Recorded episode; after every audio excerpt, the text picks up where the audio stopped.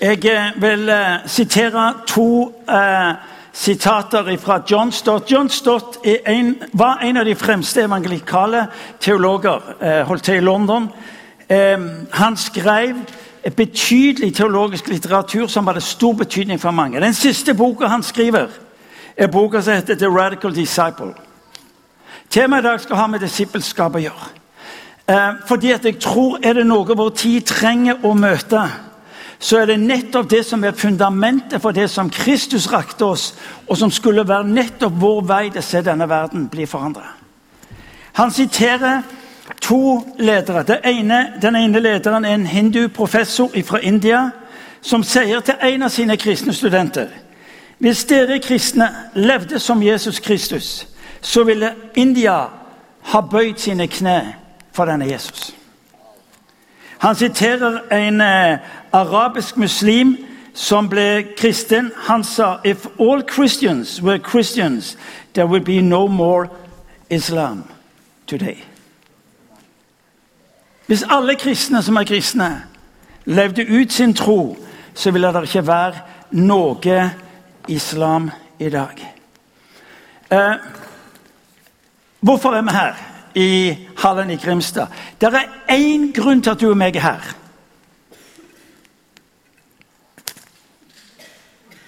Ja, været ikke tale om, det er altfor ustadig. Jesus.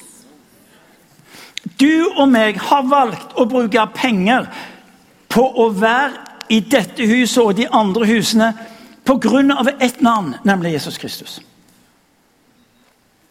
Derfor er dere her. Ja, treffe venner og alt. Ja, det er greit. Men hvis ikke Jesus var utgangsfaktoren, så hadde ikke du og meg vært her. Og det er interessant. Så det er noen som på et vis eh, holder oss sammen, og som hjelper oss til å få tak i hvorfor vi er her. Vi satte av dager, vi har brukt penger. Og vi bruker tid rett og slett til å være her pga. Jesus. Så enkelt. Jesus er grunnen til at du og meg er her. Det er det ene som er de facto. Det andre er han er her. En gang til. Grunnen til at du er der, det er fordi at Jesus har gjort noe med oss som har ført oss til dette stedet. Det er det andre du skal få tak i det er at han er der. Jeg er klar over at du er bortskjemt og du har hørt det mange ganger før. Men vi snakker om at allmaktens Gud har sagt 'jeg er der'. Der går to eller tre er samla i mitt navn. Der er jeg. Ja, det er mildt sagt.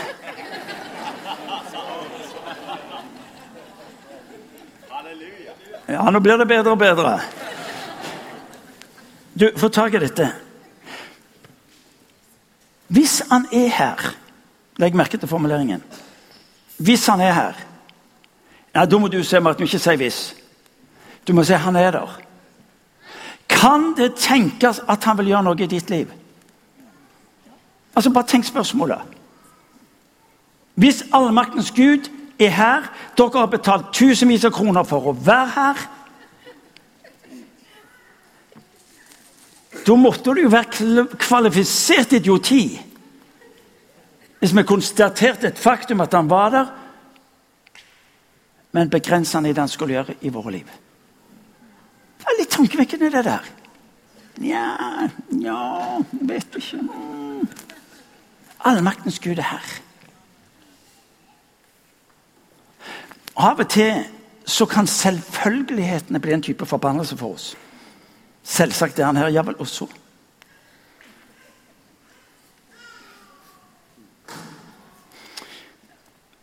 Du og meg vet at vi er frelst av nåde. Du og meg vet, og vi, vi henfører til at han døde på korset og sto opp etter tre dager. Det har vi klart inni vår teologi. Men så begynner det for svært mange av oss å bli rot. For vi beveger oss fra noe hva han gjør, til noe vi skal gjøre. Og ved det så mister du egentlig det som er hele greia. De gamle kalte det for rettferdiggjørelse og helliggjørelse. Vi snakket om hva Kristus har gjort for deg når han dør på korset. Og så snakket vi om helliggjørelsen som hva Gud gjør i deg og gjennom deg. hva Gud gjør. Hvis du og meg ikke får tak i at det er det vi inviteres til, vet du hva, så bommer vi.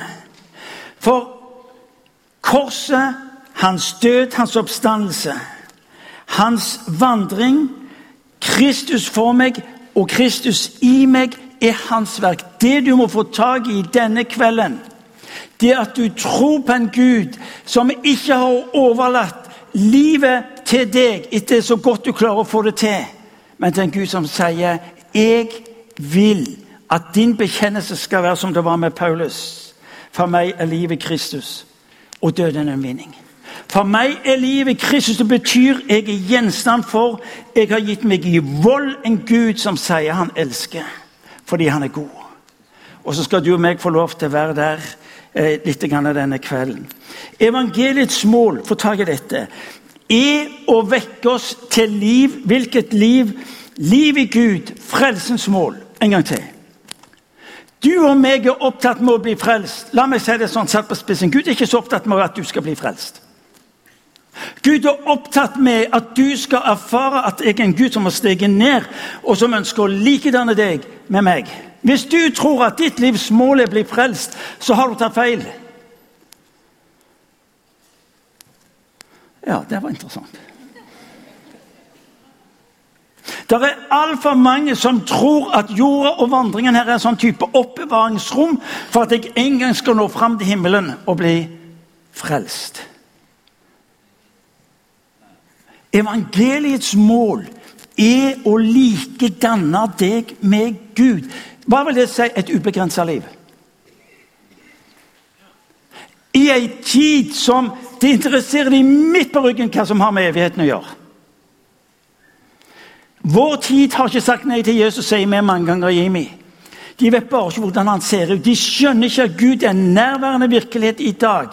Og Den eneste muligheten som de kan få erfare det, det er når de ser ditt ansikt. Fordi du er hans ansikt i denne verden. Du kan like det eller mislike det.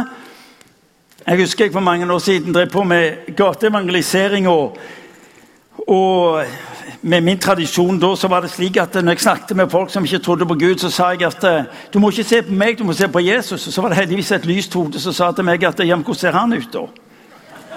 Kan jeg få vannet? Takk skal du ha. Hvordan ser han ut da? Hvis du går på jobben eller på skolen, eller hvor det måtte være i din hverdag, så tenker du når du står ut av senga Folk har ett ønske når de treffer meg i dag. Det er å få et møte med Jesus Kristus. For det har noe med din holdning Det har noe med din forståelse av hvem du er. Kristus i meg. Håp om herlighet. For en bekjennelse fra Guds ord på ditt og mitt liv.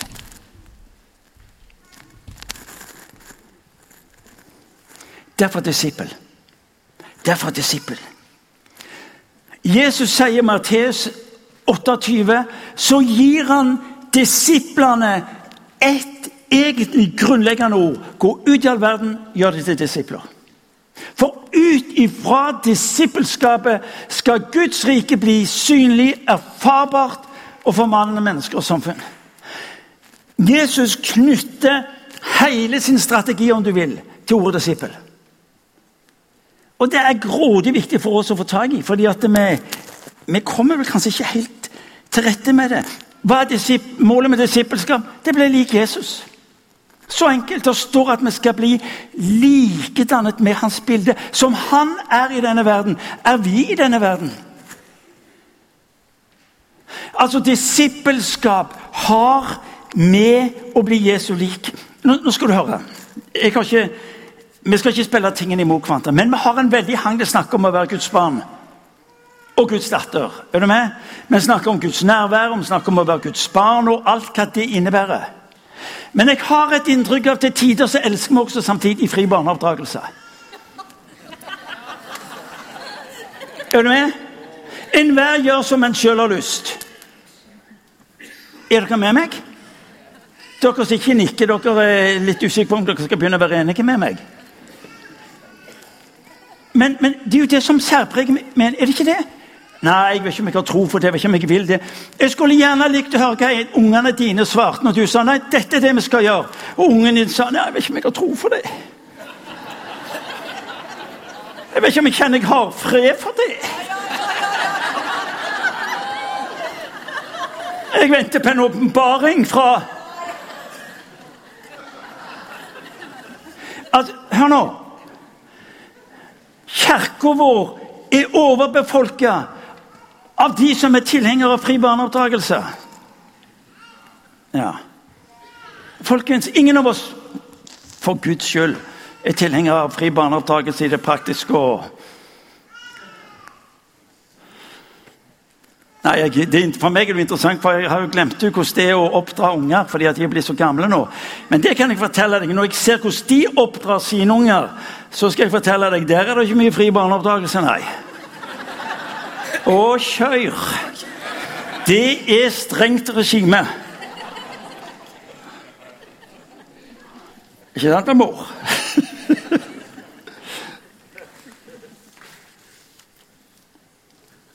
Hør nå. Disippelskap er oppdragelse. Så enkelt er oppdragelse. Disippelskap er nå. Disippelskap er Gud forming.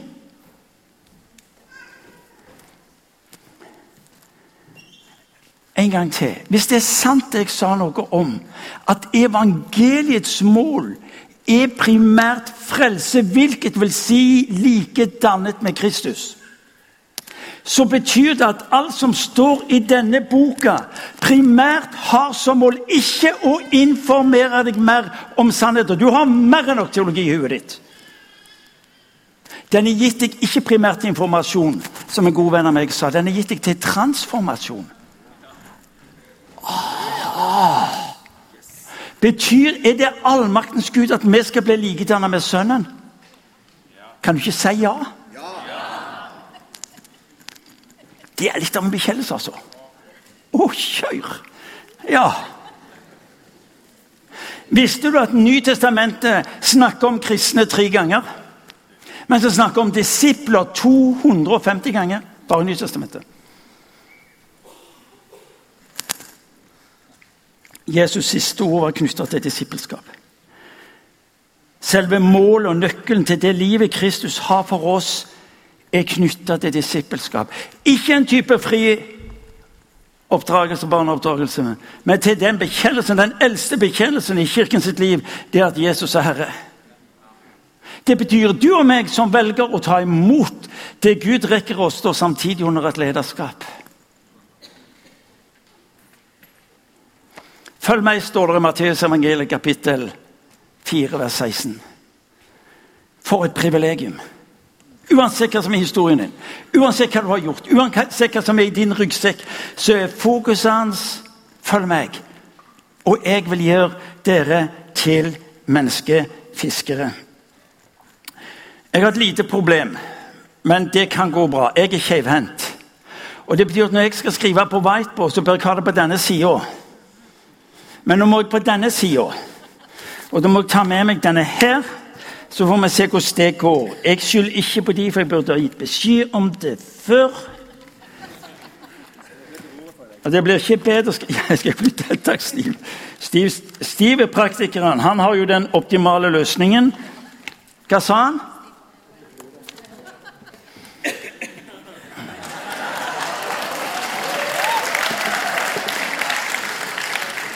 Går det greit? Filmfolk? Ja, bra. Det går bra. Bare litt. Jeg skal ikke fri mye på det, bare grann. Dere skal få tre enkle føringer på å få lov til å leve det livet som vi tror Kristus har kalt oss til. La meg utfordre dere litt. Når Bibelen er opptatt med at du og meg skal bli disippelgjort, så betyr det i realiteten at vi skal få lov til å leve et liv hvor vi vokser i modenhet. Til Han og til det Han betror oss. Vi er kalt til å disippelgjøre hverandre. Ja, hverandre. Ved å være sammen. Vi er alle kalt til å disippelgjøre mennesker rundt oss. En god venn av meg sa det slik at men Martin, du vet, jeg kan ikke disippelgjøre. Jeg har ikke greie på det. der. Så spurte hun hvor mange unger har du Jeg har fem. Og du forteller meg at du ikke kan disippelgjøre. Disippelgjøring betyr oppdragelse. Så når Jesus sier til i Matteus eh, kapittel 4, eh, vers 16, så demonstrerer han det som er målet for alle kristne til alle tider, uansett på kloden de er henne. Og Du skal få en enkel sånn en oppsett fra meg. Dere ser hva dette er? Firkant? Trikant. Trekant, ja. ja jeg tror tre, jeg skjønte jeg godt om trikant. Hva står det i Matteus evangeliet kapittel 4, vers 16? Følg meg. Følg meg. Det første han kaller oss til, det er det å følge han. Når han ber deg og meg om å følge han, så betyr det ikke primært selv om det er en del av pakkingen, men det som er hans intensjon, det er følg meg slik at du kan ha relasjon med meg. Han sier altså 'følg meg' for at du kan bli som han. Ser dere det? Keivhendte skriver aldri noe særlig vakkert. Men med tida kan det kanskje bli osv.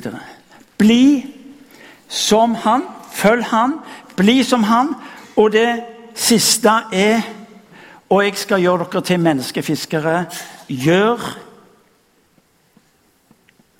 som han. Eller gjør som meg. Kort på disse tre punktene. Hva vil det si å være en Jesus-etterfølger? Eh, det å være en disippel av Jesus. Det betyr å holde seg nær til ham, hvor du både får retningen og målet. Men primært så får du en relasjon med Gud den allmektige.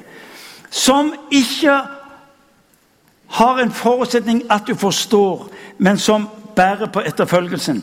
Disippelskap er vandring, og det er prosess. Få tak i dette. Du og meg ender altfor ofte opp med å se fram til happeninger som åpen himmel eller bestemte typer møter for at vi skal få hjelp til å klare livet litt lenger. Når han sier 'følg meg', så betyr det han tar oss inn i en prosess, en vandring, hvor det du søker på en åpen himmel her og andre steder, skal være normalen i livet ditt. Vi må komme vekk ifra at vi lever på sånn et uh, sultestadie. At vi må se fram til noe istedenfor at vi skal få lov til å gi i en disippelgjørende prosess det vi trenger for å bli det Gud har kalt oss til å være. Han kaller oss til å følge Han.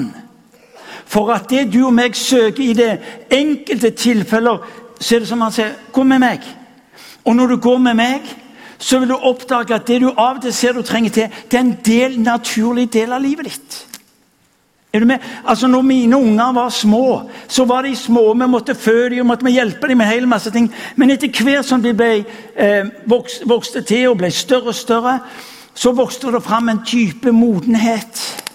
Når Jesus kobler deg og meg til seg, så er hans mål at du og meg skal bli del av det han er, det han gjør, hvem han er. Vi definerer hør nå, livet ut ifra disippelskap og ikke de løsrevne hendelsene.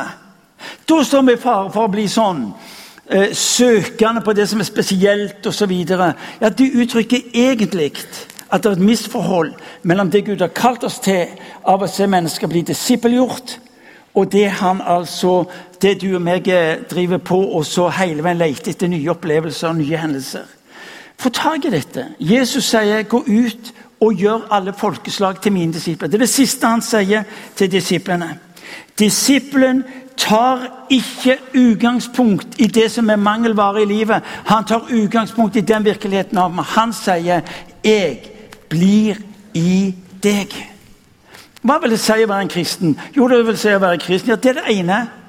Det andre er å være en kristen betyr at Han den allmektige tar bolig i ditt liv.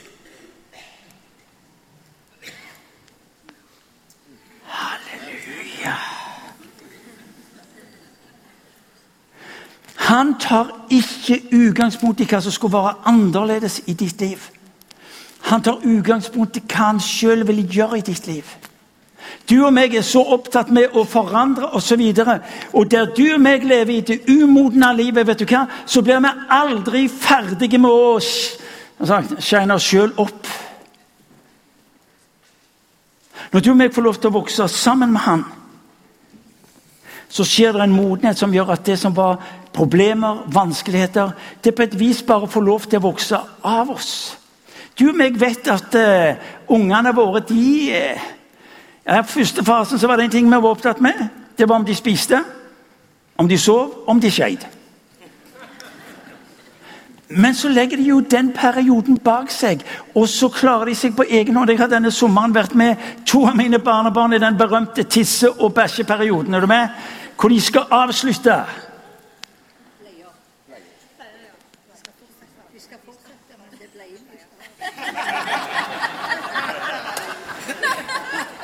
Sufflørene på første benk sier at det er, nei, det er bleien jeg skal legge av.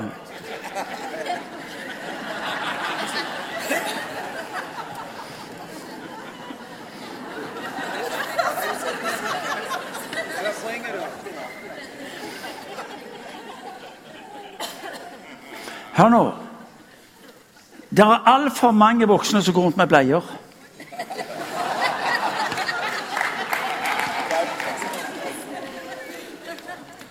Folkens, det er ærlig. Det er altfor mange som går rundt med bleier og håper at noen skal komme og skifte det på dem.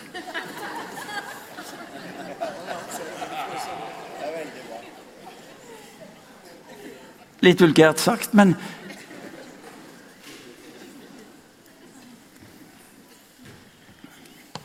Jesus' svar på dine utfordringer og problemer, uansett hva karakter de måtte ha, er alltid 'følg meg'.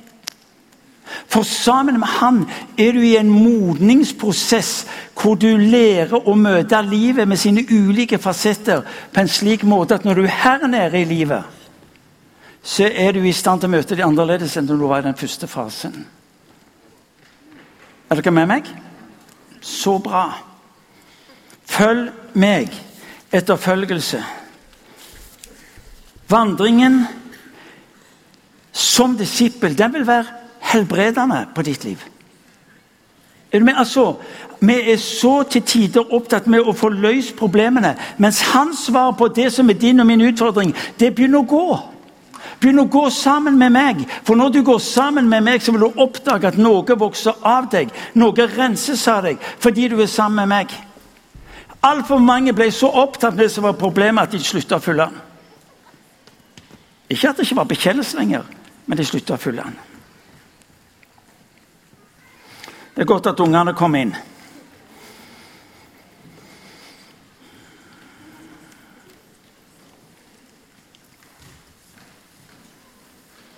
Følg han betyr å bli tatt inn i det som han er opptatt med. Det hans brenner for.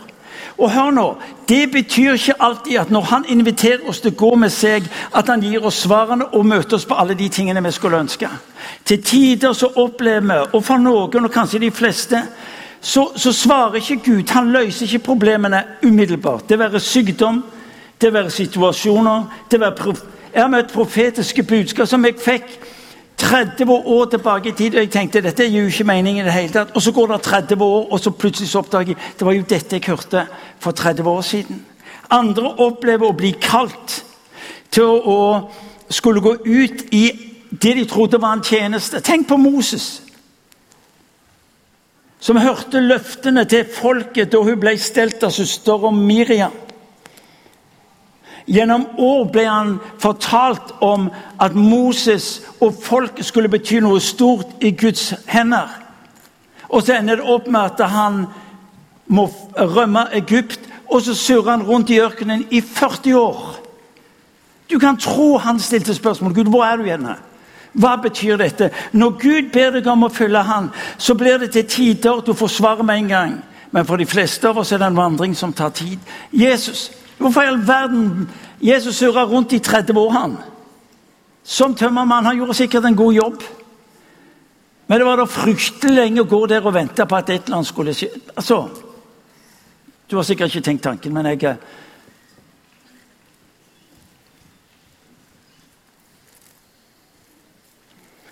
Det å våge å fylle den ut i situasjoner som du ikke har kontroll på. Jeg vil dere skal møte en god venn av meg, Ole Thomas.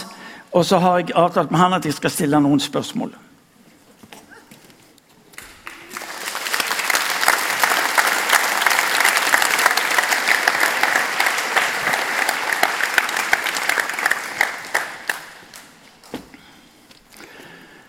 Ole Thomas, disse tider for ca. tre år siden, fram mot jul, så begynner det å vokse fram en eh, opplevelse, en tanke på at han skal, han skal si opp jobben. Han har en opplevelse av at Gud kaller ham til å si stopp, for så å gå inn i noe som han tror Gud har for seg. Eh, årsskiftet 1.1 var han uten jobb. To og et halvt år. Hvordan har det vært? Det går, eh, går ikke an å svare på det på så kort tid. Nei. Du, det Det har vært en berg-og-dal-bane. Eh, mange topper, mange bånder. Du, du hadde en forventning om at Gud 1.1 skulle stå klar med jobben. Det skjedde jo ikke det. Nei. Eh, jeg tenkte jo som så at nå har jeg gjort min del av jobben. Så han burde egentlig handle når du hadde gjort din del av jobben. Ja, jeg tenkte det. Ja, ja men det er jo det vi òg tenker. Jeg har jo bedt, jeg har jo lest Guds ord, og jeg er klar. Det går ca. to og et halvt år, og ingenting skjer. Nei, ikke, ikke noe sånt, nei. Jeg, det, det, det kom ikke noe Det kom ikke noe? Nei, ikke. Nei. Ja, Hva gjorde det med deg, da? Det sendte meg ned i dalen. Bokstavelig talt. Sendte deg ned i dalen, ja. Du handler på det Gud sier, og du ender opp i dalen. Ja, hvordan var det? Det var tøft. Tøft. Hva tenkte du om Gud? Jeg må ærlig innrømme at jeg var litt skuffet. Har, har du vært skuffa over Gud? Han sa 'følg meg', og så Og du gjorde ditt, og han gjorde tydeligvis ikke sitt. Men eh, jeg har jo hatt gleden av å gå sammen med deg i denne tida, og så, og så sa du noe til meg. eh, Du, du, sa noe om at det har vært nedturer, og vært oppturer, det har vært fjelltopper, det har vært dype daler. Men så sa du noe om at eh, kanskje var det godt at jeg ikke hørte noe fra Gud før nå. Ja, det er Når jeg ser tilbake på de to og et halvt åra, så er det jo sånn at hvis jeg kjenner nå, etter disse to og et halvt åra, at det hadde det stått noe klart for meg 1.1.2017, så jeg redd jeg hadde bukta av i første sving. Jeg hadde møtt motgang. Er er dere med? Kanskje er det Guds godhet at ikke du får svaret med en gang. For ved det å bevare deg i det han har for deg. Ja. Du fikk mange oppmuntringer denne tida, gjorde du ikke det? Jo, jeg gjorde det. Eh, Profetiske budskap og ja. Veldig mye. Hva betydde det for deg? Det var, mer, var vel mer frustrerende enn det var godt, egentlig. Eh, og det ble litt jeg vet ikke, Det var en som sto på talerstolen her og sa det tidligere. så liksom, Når folk kommer bort og du tenker åh, en til. Du blir på en måte metta, for det, det skjer jo ingenting uansett. Du lærte å vente, gjorde du ikke det? Ja, jeg gjorde det. Du gjorde det. Ja, ja. Noe av det vanskeligste vi opplever, det er å vente. Er det ikke det? Å, fy søren. Jeg er syk, jeg har bedt Gud mange ganger lenge, og så skjer det ingenting. Jeg handler på det som jeg tror er hans, og så, så skjer det ingenting. Gud, hvor er du henne?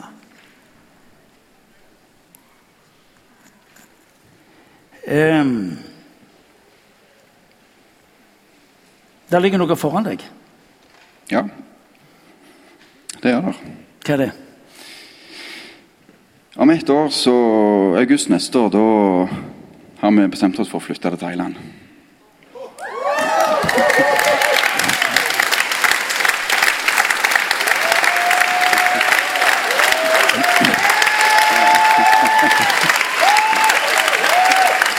Eh, ja, du, jeg vet jo at du hadde, du hadde drøssevis av jobbtilbud. Han er en av de dyktigste byggmesterne i byen. Han hadde drøssevis med jobbtilbud.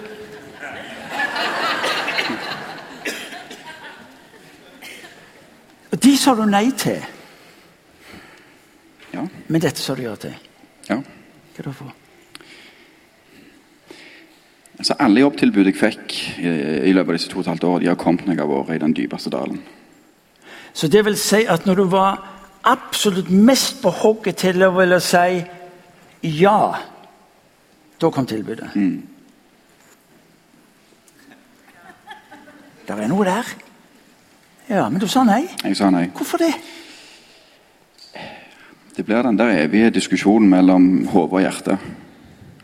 Eh, hele meg ville egentlig si ja til alle jobbene som kom. Eh, men så hadde jeg på en måte gjort en, et løfte til Gud inn i hjertet. For to tall, eller da når jeg sa opp jobben at eh, jeg har bestemt meg for å følge deg, og jeg går der du sier jeg skal gå. Og da regner jeg med du snakker like tydelig til meg som du gjorde når du sa jeg skulle si opp jobben.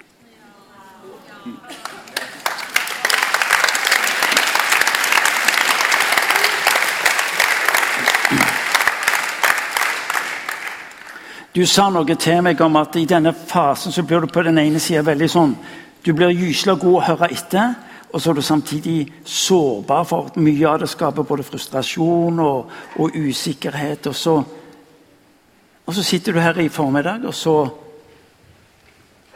Og så opplever du at når Amy forkynner, så, så er det noe som treffer deg. Ja. Ja, det er veldig vanskelig å egentlig si nøyaktig hva som skjer, men, men, men eh, Du får følelsen av at salen, altså folka i salen forsvinner, og du sitter alene i salen. Eh, mens Amy står og synger og sier ting, og, og, du, du føler hun bare sier navnet ditt for hver ting hun sier. Eh, og, og for hver gang hun sier noe, så blir du på en måte bare trykt, trykt ned. altså. Ja, I god forstand. I god forstand. Og, og Ja. I en veldig god forstand. Eh, og det er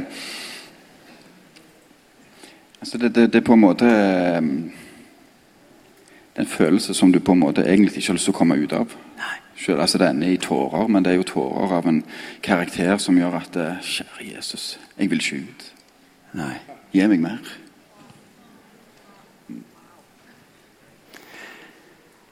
Folkens, vi må hjelpe hverandre til å leve det livet. Det er et faktum at og dette har jeg sagt til Ole Thomas, dette kommer jeg til å si. Det er et faktum at flere har sagt her er det ikke på tide å begynne på jobb nå. Har ikke du vært stille lenge nok? Det er fra folk i menigheten. Ja, du går vel på Nav når du eh, ikke mottar lønn? Spør kristne.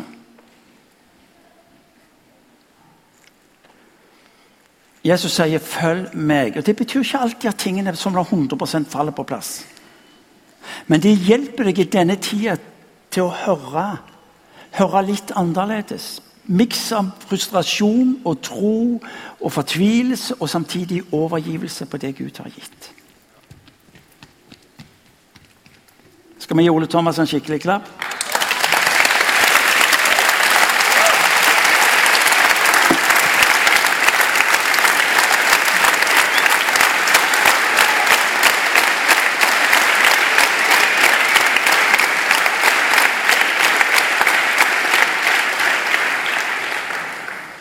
Følg meg.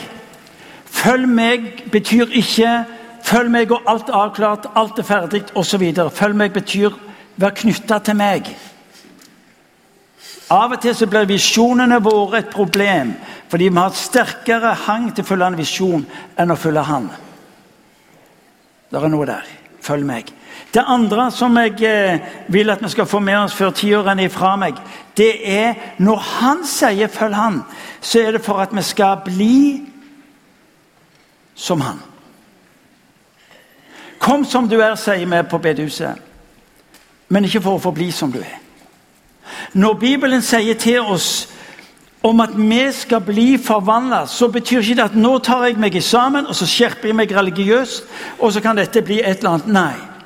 Bibelen er opptatt med å gi deg og meg en vei og en vandring hvor det er Han som gjør dette. I, i Galaterbrevet kapittel 5 vers 22 så leser vi om 'ikke ta deg sammen' og står åndens frukt der. Det betyr at når han får ta bolig i ditt liv, vil han, vil han se frukt vokse ut av ditt liv. Denne verden er lite opptatt med hva du og vi klarer å, å, å presse sammen av et eller annet religiøst. Men denne verden vil elske å få smake av den frukta som representerer Kristus. Hva er det da står i Galaterbrevet kapittel 5 vers 22? Kjærlighet. Folk sier ja, men vi kristne er ikke annerledes enn de andre. Det er klart du er det. Det er jo kvalifisert idioti å si at vi er like de andre når allmaktens Gud har tatt bolig i ditt og mitt liv. Det er jo en sånn type diskvalifisering av hva han representerer og hva han vil bety i ditt liv. Kjærlighet, sier han. En kilde i ditt liv. Kjærlighet for deg sjøl, men også for de som er rundt deg. Frukt er ikke til for treet, folkens. Frukt er til for de som er rundt. Ja, og Du kan sitte der og du kan være opptatt med alt det du trenger for ditt liv. Jeg går ned på det. Slutt med å være opptatt med hva du trenger for ditt liv. For når du våger å leve ut den frukt han har lagt ned i ditt liv, vet du hva? så vil du oppdage at livet ditt gir mening. Kjærlighet, glede. Du og meg skal få lov der hvor det er, hvor det er depressivt og nedfor, og, og det er ikke håp, skal du og meg få lov til å bringe en fred, glede, håp, godhet. Vet du hva? Dette er noe som ånden virker. Guds rikes mål med ditt og mitt liv, får tak i dette, at du og meg skal bli lik han. Du og meg du og meg skal bli som han i denne verden. Det er det eh, Johannes sier i 1. Johannes brev, kapittel 3. Disippelen tar ikke utgangspunkt i seg hva som skulle vært annerledes i livet, men hvem han vil være i ditt liv. Det er utgangspunktet for en varig og stabil vandring som du og meg får. Jesus' svar på dine problemer er, og utfordringer er alltid 'følg meg'. Uansett, følg meg. Og så sa jeg noe om at når du og meg vandrer sammen med Han, så skjer det en helbredelse. Du må få tak i dette. Fordi vi er så opptatt med å søke punktene for det som skal være forandringen i vårt liv, mens han sier 'hold deg nær til meg'. Bare følg meg. Og så vil du oppdage, Husker du denne beretningen om, om disse ti som var spedalske? Og Jesus sa 'gå og dere for prestene'. Underveis står der oppdagte de at de var blitt helbreda. Det er noe av denne underveisdimensjonen som du og meg ikke må miste. Fordi at Når du og meg møter folk der de er med sine liv, så kanskje du må springe til en eller annen kilde for at du skal få et eller annet. Fordi at du er kilden der du er i det øyeblikket du møter behovene. Kjærlighet, glede, fred Overbærenhet, vennlighet, godhet, trofasthet, ydmykhet og selvbeherskelse. Disippelskapssak er lik oppdragelse. Gud lengter etter å oppdra sine barn ved sin ånd, men også ved menigheten. Det er derfor menighetene blir så viktige. Det er derfor når Bibelen bruker begrepet familie, at det blir så viktig. Eh, det er interessant at han ikke ba oss. Han ba oss ikke om å gå ut i all verden og plante en masse kirker. Kanskje det er litt av en utfordring for oss. Fordi at disippel er lik oppdragelse. Disippel er lik eh, lærjunge, etterlignere av Jesus. Mennesker som altså er kalt til å gå med Han.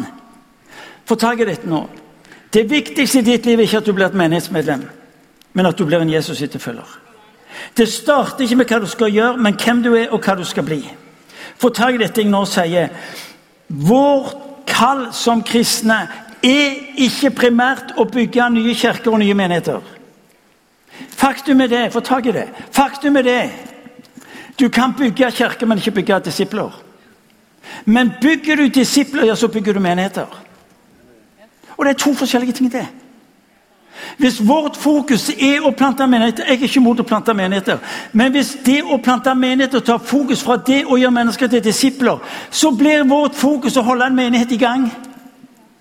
Da går ressursene våre og tida vår det går til å bygge hus og bygge virksomheter. Mens det vi kanskje skulle ha fått lov til å gjøre, det var disippelgjøre mennesker. Derfor blir hele denne tenkningen av Bibelen av at vi ikke primært en religiøs institusjon, men vi snakker så omtalt som Guds familie. Får du tak i det? Vi vil se at oppdragelse skjer primært i familien. Disipleringen skjer primært i familien. Målet er ikke, sier jeg, kirka, men disippelen. Men når du og meg disippelgjør mennesker, så får du kirke som resultat. Og ressurser og fokus blir det rette. Vår kall er å bygge mennesker for ved det å se menigheter blir etablert. Jeg skal begynne å slutte, så de sier enkelte steder. Derfor menighet, fordi disippelgjøring er avhengig av mennesker som kommer sammen. Og hør nå i, i fellesskapet så blir du og meg fullkomne. Fordi vi får det vi trenger for å bli det Gud har kalt oss til å være. Finn deg en menighet som disippelgjør deg. Finn deg en menighet som du kan få lov til å tjene, eller hvor menigheten tjener deg. Det siste punktet. Gjør som meg, åndens gjerning. Disse tegn står der. Disse tegn skal følge de som tror. Når Gud sier sitt ord at disse tegn skal følge de som tror, så mente han det. hvis ikke han ikke sagt det. Og Det skal få lov til å være på et vis prioriteringen i ditt og mitt liv. Disippelskap er å eksponere Guds hjerte. Ja, Det gjør han ved de ulike undergjerning. Folk sier jeg er ikke for helbredelse eller jeg er ikke for eller hva det måtte være. Men er, altså, er du galen? Altså, Det Gud velsigner ditt og mitt liv av det unatur unaturlige, overnaturlige Hør nå. Av det overnaturlige er jo uttrykk for hans kjærlighet mot mennesket. Ja, han ble frisk. Ja, det er bonusen. For det viktigste er jo at Gud berører det mennesket. Jeg ba for vedkommende. Vedkommende ble ikke frisk, men det var noe ved livet som fikk en kraft. Og så er det altså et møte med Guds kjærlighet midt i det som smerte. Midt i det som var det vanskelige. Midt i det som ikke løste seg. Ja, men Skal vi vektlegge det overnaturlig? Klart du skal vektlegge det overnaturlig. Hva da for? Jo, fordi Jesus gjorde det. Når Johannes i Matteus evangeliet er usikker på det som ligger foran han, og så sender han to av sine disipler og så sier han, er du den som skal komme, eller skal vi vente på en annen? Den store tragedien folkens, at det spørsmålet reises til kirka i Norge i dag. Er det dere vi skal vente på, eller skal vi vente på noen andre? Hva sa Jesus? Han ga ikke Johannes, eh, døperen Johannes en andakt. Han henviste ikke til profetskriftene. Han sa 'gå og fortell hva dere ser'. Blinde, døve, døde vekkes opp. Evangeliet forkynnes for de fattige. Altså, du og meg som disippel er kalt til å gjøre som han. Hvordan gjør du det? Ved å gjøre det første gang, så andre gang. Og så har du kommet over i å praktisere, praktisere, praktisere. praktisere. Og så praktiserer du til det skjer. Jeg kan holde på lenge. Ja, det er mulig. Men han sa 'be og bli ikke trøtte'. Om du blir trøtt, så ikke bli trøtt fordi at den du ber for, trenger til at du ber for vedkommende. Finn de miljøene som hjelper deg til å leve i denne dimensjonen. Og så vil du oppdage at overalt hvor du går, til alle tider, så vil du oppdage at du møter behov, og så skal du få lov til å bety denne forskjellen. Trygve Maldal, du må komme opp.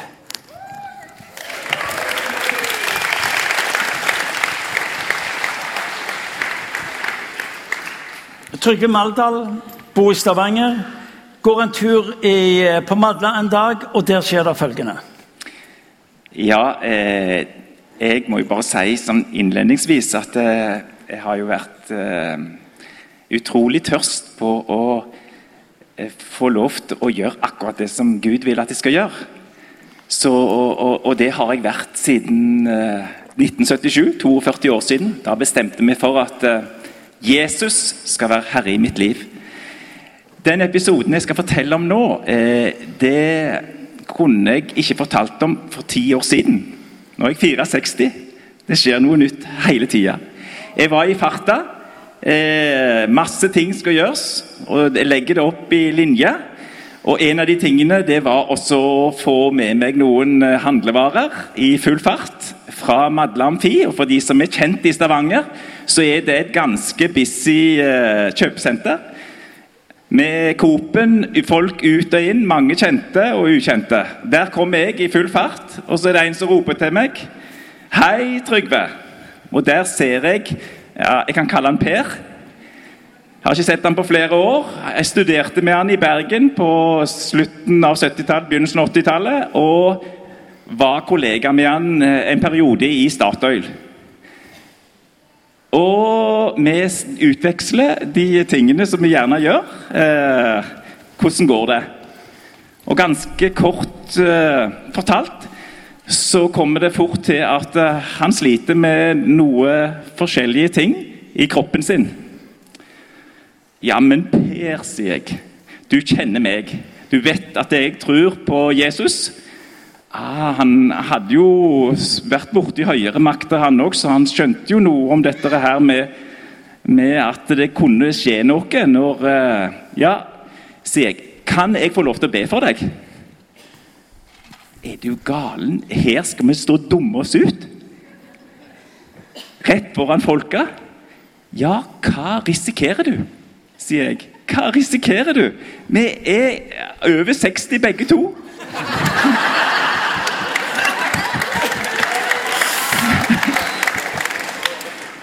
Og enden på visa var, selv om blikket for litt fram og tilbake, det var at jeg fikk legge hånda på han, ba en kort bønn til Jesus.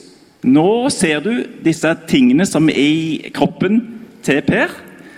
Og Herre, nå ber jeg i Jesu navn om at disse tingene forsvinner ut av kroppen hans. Og så sier jeg til Per etterpå Hvis det nå ikke Og han er jo litt satt ut, da. Kjenner du noe? Nei, han kjente ikke noe. Men ja, han kjente ikke noe om, om smerten var forsvunnet. Jeg tror han var satt ut av situasjonen. Men nå ringer du meg. Hvis dette ikke har skjedd, så skal jeg be for deg en gang til. Fantastisk. Gir han en klapp. Ja, da var jeg ganske høy da jeg gikk hjem.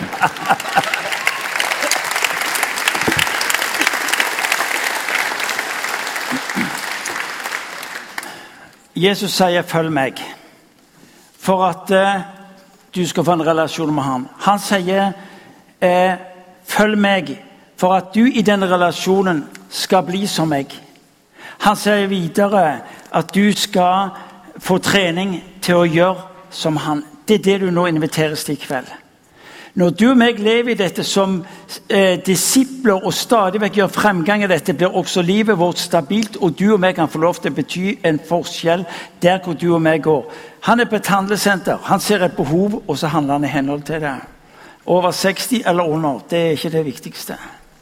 Det vi nå skal gjøre, det er at vi skal be. Og i det ligger det nå fra de side sett en bekjennelse. Du skal få lov til å se at vi har forbundsgruppa der borte, her foran og på den sida. Du som opplever jeg, jeg er nødt til å gjøre noe med livet mitt når det gjelder å være en etterfølger av Jesus. Jeg er så redd for hva han kan finne på. Jeg er ikke sikker på om jeg har tillit til han. Jeg trenger hjelp til å ta et skritt hvor jeg våger å gå med han. Dere går der borte. Og så vil det være forbedrere som vet at du har kommet til det hjørnet fordi du ønsker å få hjelp til å våge de første skrittene. Her foran eh, plattformen så skal vi be for de som kjenner jeg trenger til å se det Kristi sinnelag i mitt liv preger livet og omgivelsene mine på en slik måte at folk våger å tro på Gud. Det er ikke mine ord som overbeviser dem, men hvis de kan erfare en Kristus i meg, så tror jeg ut ifra det han sier av kjærlighet, glede, fred, eh, godhet osv. Så, videre, så jeg vil, jeg vil, dere må be for meg. Du kommer fram her. Og på den sida De av dere som tenker vet du hva, jeg ønsker å se Åndens gjerninger virkelig gjort i mitt liv. Jeg ønsker å være den her som på arbeidsplassen, i familien, i menigheten og hvor det måtte være henne. Der borte Der borte vil jeg gå, og så vil jeg at de skal legge hendene på meg, og så skal tro skapes, og så skal utrustning skje på en slik måte at når en går herifra, så våger jeg å leve ut det Bibelens ord taler om. Følge disippelen som går sammen med Jesus. Så om du nå tenker ja, men kjære deg, jeg, jeg trenger jo alle tre, ja, da har du noe å gjøre i kveld. Da starter du der hvor det er minst folk, og så, og så går du. Du er tillatt det er tillatt å gå der hvor du måtte kjenne at der vil jeg være. En god venn av meg gjorde det slik. Eh, vi inviterte til forbønn. og Så kom han fram og så stilte han seg i linja. Og Så ble han bedt for først, og så gikk det noen minutter, og så oppdaget jeg han plutselig litt lenger nede i denne linja. Så sa jeg hva er det du holder på med? Du ble jo bedt for der oppe. Kan ikke bli bedt for her òg. Så sa han hør Martinsson, jeg må ha alt det Gud har å gi. Så jeg så han vandret denne køen fem-seks ganger for å få med seg alt det Gud hadde for Folkens, du, du, har hørt noe, og du tenker ja vel, dette var greit. Du kan nå handle på det. Forskjellen på ditt og mitt liv hva det er? Forskjellen, beklager, forskjellen på det livet du hører Bibelen har for deg En gang til. Forskjellen på å høre om det livet Bibelen har for deg, og gå klar det er egentlig å ta et skritt og si 'Jesus, vil du la meg bli en del av det?' For jeg trenger det.